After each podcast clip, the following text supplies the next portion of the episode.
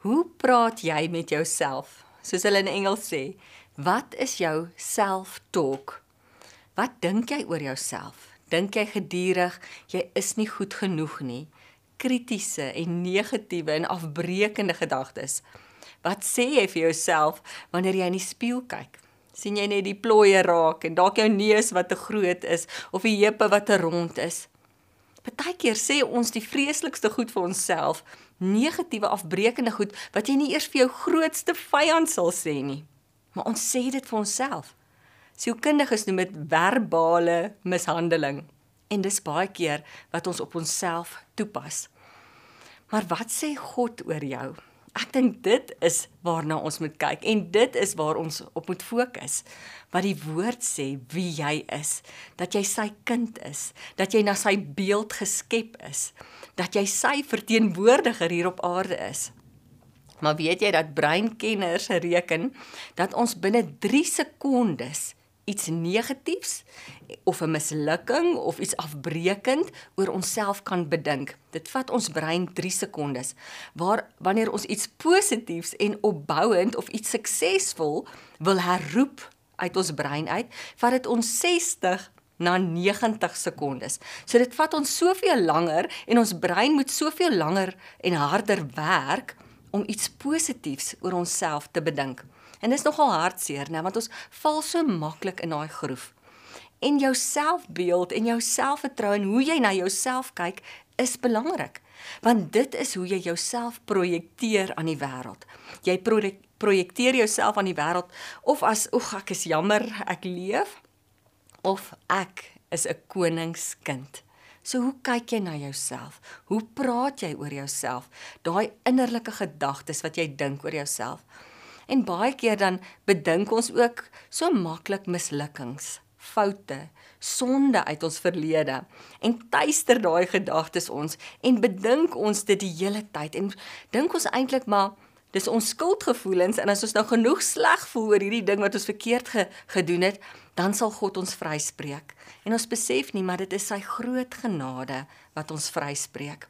So as jy dink jy kan, is jy reg? En as jy dink jy kan nie, is jy ook reg. Selfbeeld en selfvertroue is belangrik en ons moet dit grond in Christus. Ons moet besef dat God kyk na ons deur die kruis. Wanneer hy ons sien, dan sien hy ons as skoon en rein. En ja, as jy misluk het, as jy 'n fout gemaak het, as jy gesondig het, sê vir hom opreg jammer, gaan na hom toe. Die woord sê dan vat hy daai skuld en hy gooi dit in die diep see en hy dink nie eers weer daaraan nie. So jy staan rein en skoon vir hom, maar dit is vir ons so moeilik, né, want ons sit met skuldgevoelens en ons is krities en ons en ons dink ons is nie goed genoeg vir God nie en ons moet die hele tyd goed doen om hom te probeer beïndruk. Maar eintlik het hy jou lief soos jy is. En as jy na die woord toe gaan om net te besef, ehm um, wie jy is in Christus dat jy sy verteenwoordiger is. Genesis sê hy het sy ruach, sy asem in jou ingeblaas. Jy is sy kind. Jy is 'n kind van die lewende God. Galasiërs sê jy is sy erfgenaam. En daarin moet ons onsself beeld en onsself uh vertroue grond. Nie oor wat mense oor ons sê nie. Dalk het jy in jou klein tyd het 'n uh, mense goed oor jou gesê, jou ouers of onderwysers of 'n maatjie het dalk jou gesê sy hou nie van jou rooi hare of van jou sproete nie of jou ouers het nooit vir jou erkenning gegee nie en, en daai goed het jou selfbeeld laat verkrummel. Maar dit moenie vir ons gaan oor mense se woorde nie. Dit moet gaan oor wat God se woord sê, God se woorde oor ons en hy sê die mooiste goed oor jou dat jy sy dogter is, dat jy 'n koningskind is en ons moet vashou aan hierdie goed. Weet sommer net om om te praat oor kleintyd goed wat daar dalk oor jou gesê is. Ek dink nou die dag Maar miskien as jy nou in die volmaakte gesin groot geword het, nou dan sal jou selfbeeld nou geen probleme hê. Daar sal geen uh houe wees uh wat jou selfbeeld dalk gekry het nie. Maar weet jy wat die volmaakte gesin bestaan nie? En as jy moet dink dat uh, jou selfbeeld moes gevorm word in 'n volmaakte gesin, um, Daar bestaan nie so iets nie. Nie eers in die Bybelse tyd lees ons van 'n volmaakte gesin nie. Dink nou maar aan Adam en Eva se twee seuns, die eerste gesin waarvan ons lees in die Bybel nou. Die een boetie maak die ander boetie dood. So disfunksionele gesinne en gebroke gesinne is aan die orde van die dag. En ehm um, moenie dink dat jy moet uit 'n volmaakte gesin kom om 'n goeie en sterk selfbeeld te hê nie.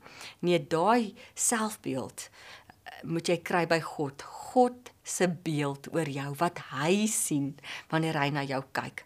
En Psalm 139 sê dit so mooi dat hy jou met groot sorg wonderbaarlik geskep het.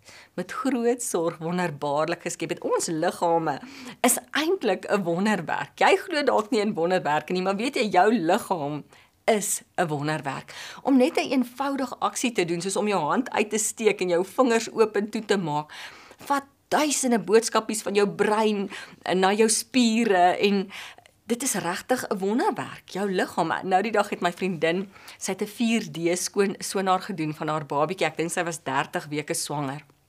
En tot daai sonaar so kyk van daai ou babatjie en ek sien die perfekte naalbed en ek sien die mooiste ou lippies en toentjies en vingertjies en ek besef net weer hoe groot is God. Hoe groot is God? En en hoe wonderlik is 'n mens se liggaam.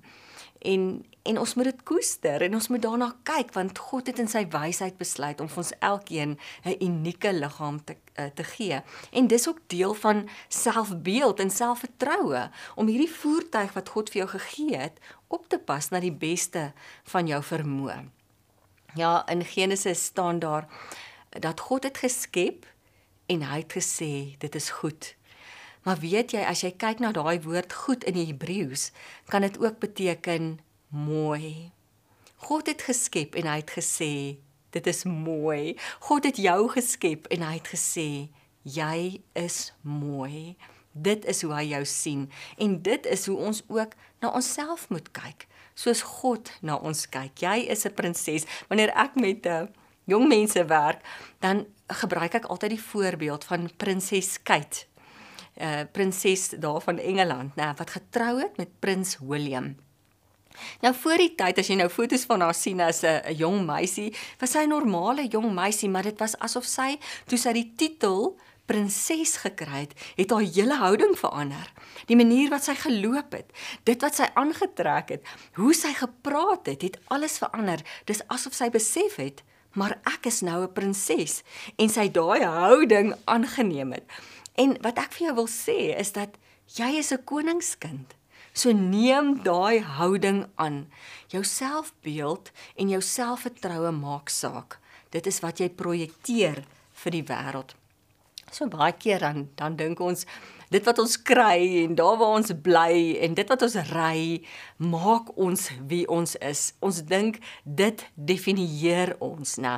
My man se titel dalk of hoe goed my kinders op skool doen of hoeveel geld ek het. Ons dink dat dit is wat ons maak wie ons is. Maar dit is nie. Dit is nie. Jesus sê, "Will you take what you think defines you? Leave it behind and let me define you instead." Will you take what you think defines you, leave it behind and let me define you instead? Die skrywer Bob Goss het dit gesê. Het dit geskryf oor hoe ons na onsself moet kyk en dat ons selfbeeld moet eintlik gaan eintlik is die regte woord nie selfbeeld nie of selfvertroue nie dit is 'n godsbeeld wat jy moet hê oor jouself en gods vertroue want jou vertroue moet gegrond wees in wie God is nie in jou eie vertroue nie in selfvertroue nie maar as jy besef hoe God na jou kyk, dan sal jy ook anders begin optree en anders begin leef en en weet dat jy is 'n koningskind. En die feit is God is altyd by jou. Uh, sy woord sê hy los ons nooit alleen nie. Hy is altyd met jou. Kyk hoe mooi staan dit in Romeine 8:38. Hiervan is ek oortuig geen dood of lewe of engele of magte of teenswoordige of toekomstige dinge of kragte of diepte of enige iets in die skepping ook nie opmerkings wat mense oor jou gemaak het of foute wat jy in jou verlede gemaak het nie. Niks kan jou skei van die liefde van die Here nie. So hy is altyd by jou en daarom kan jy God se vertroue hê want hy los jou nooit alleen nie. Onthou jy vir Moses, uh, toe God vir hom gesê het hy moet Israel uit Egipte gaan lei. Toe het hy al hierdie verskonings en hy dink hy's nie goed genoeg nie en hy sê Here, God, maar ek maar ek hakkel.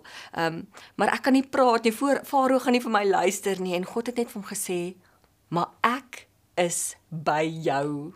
Ek is by jou en daarom kan jy jou skouers terugtrek en daarom kan jy selfvertroue hê en daarom kan jy hierdie ding aanpak. Uh hierdie taak wat God dalk vir jou gegee het want ek is by jou. So dit gaan eintlik nie oor selfvertroue nie. Dit gaan oor God se vertroue.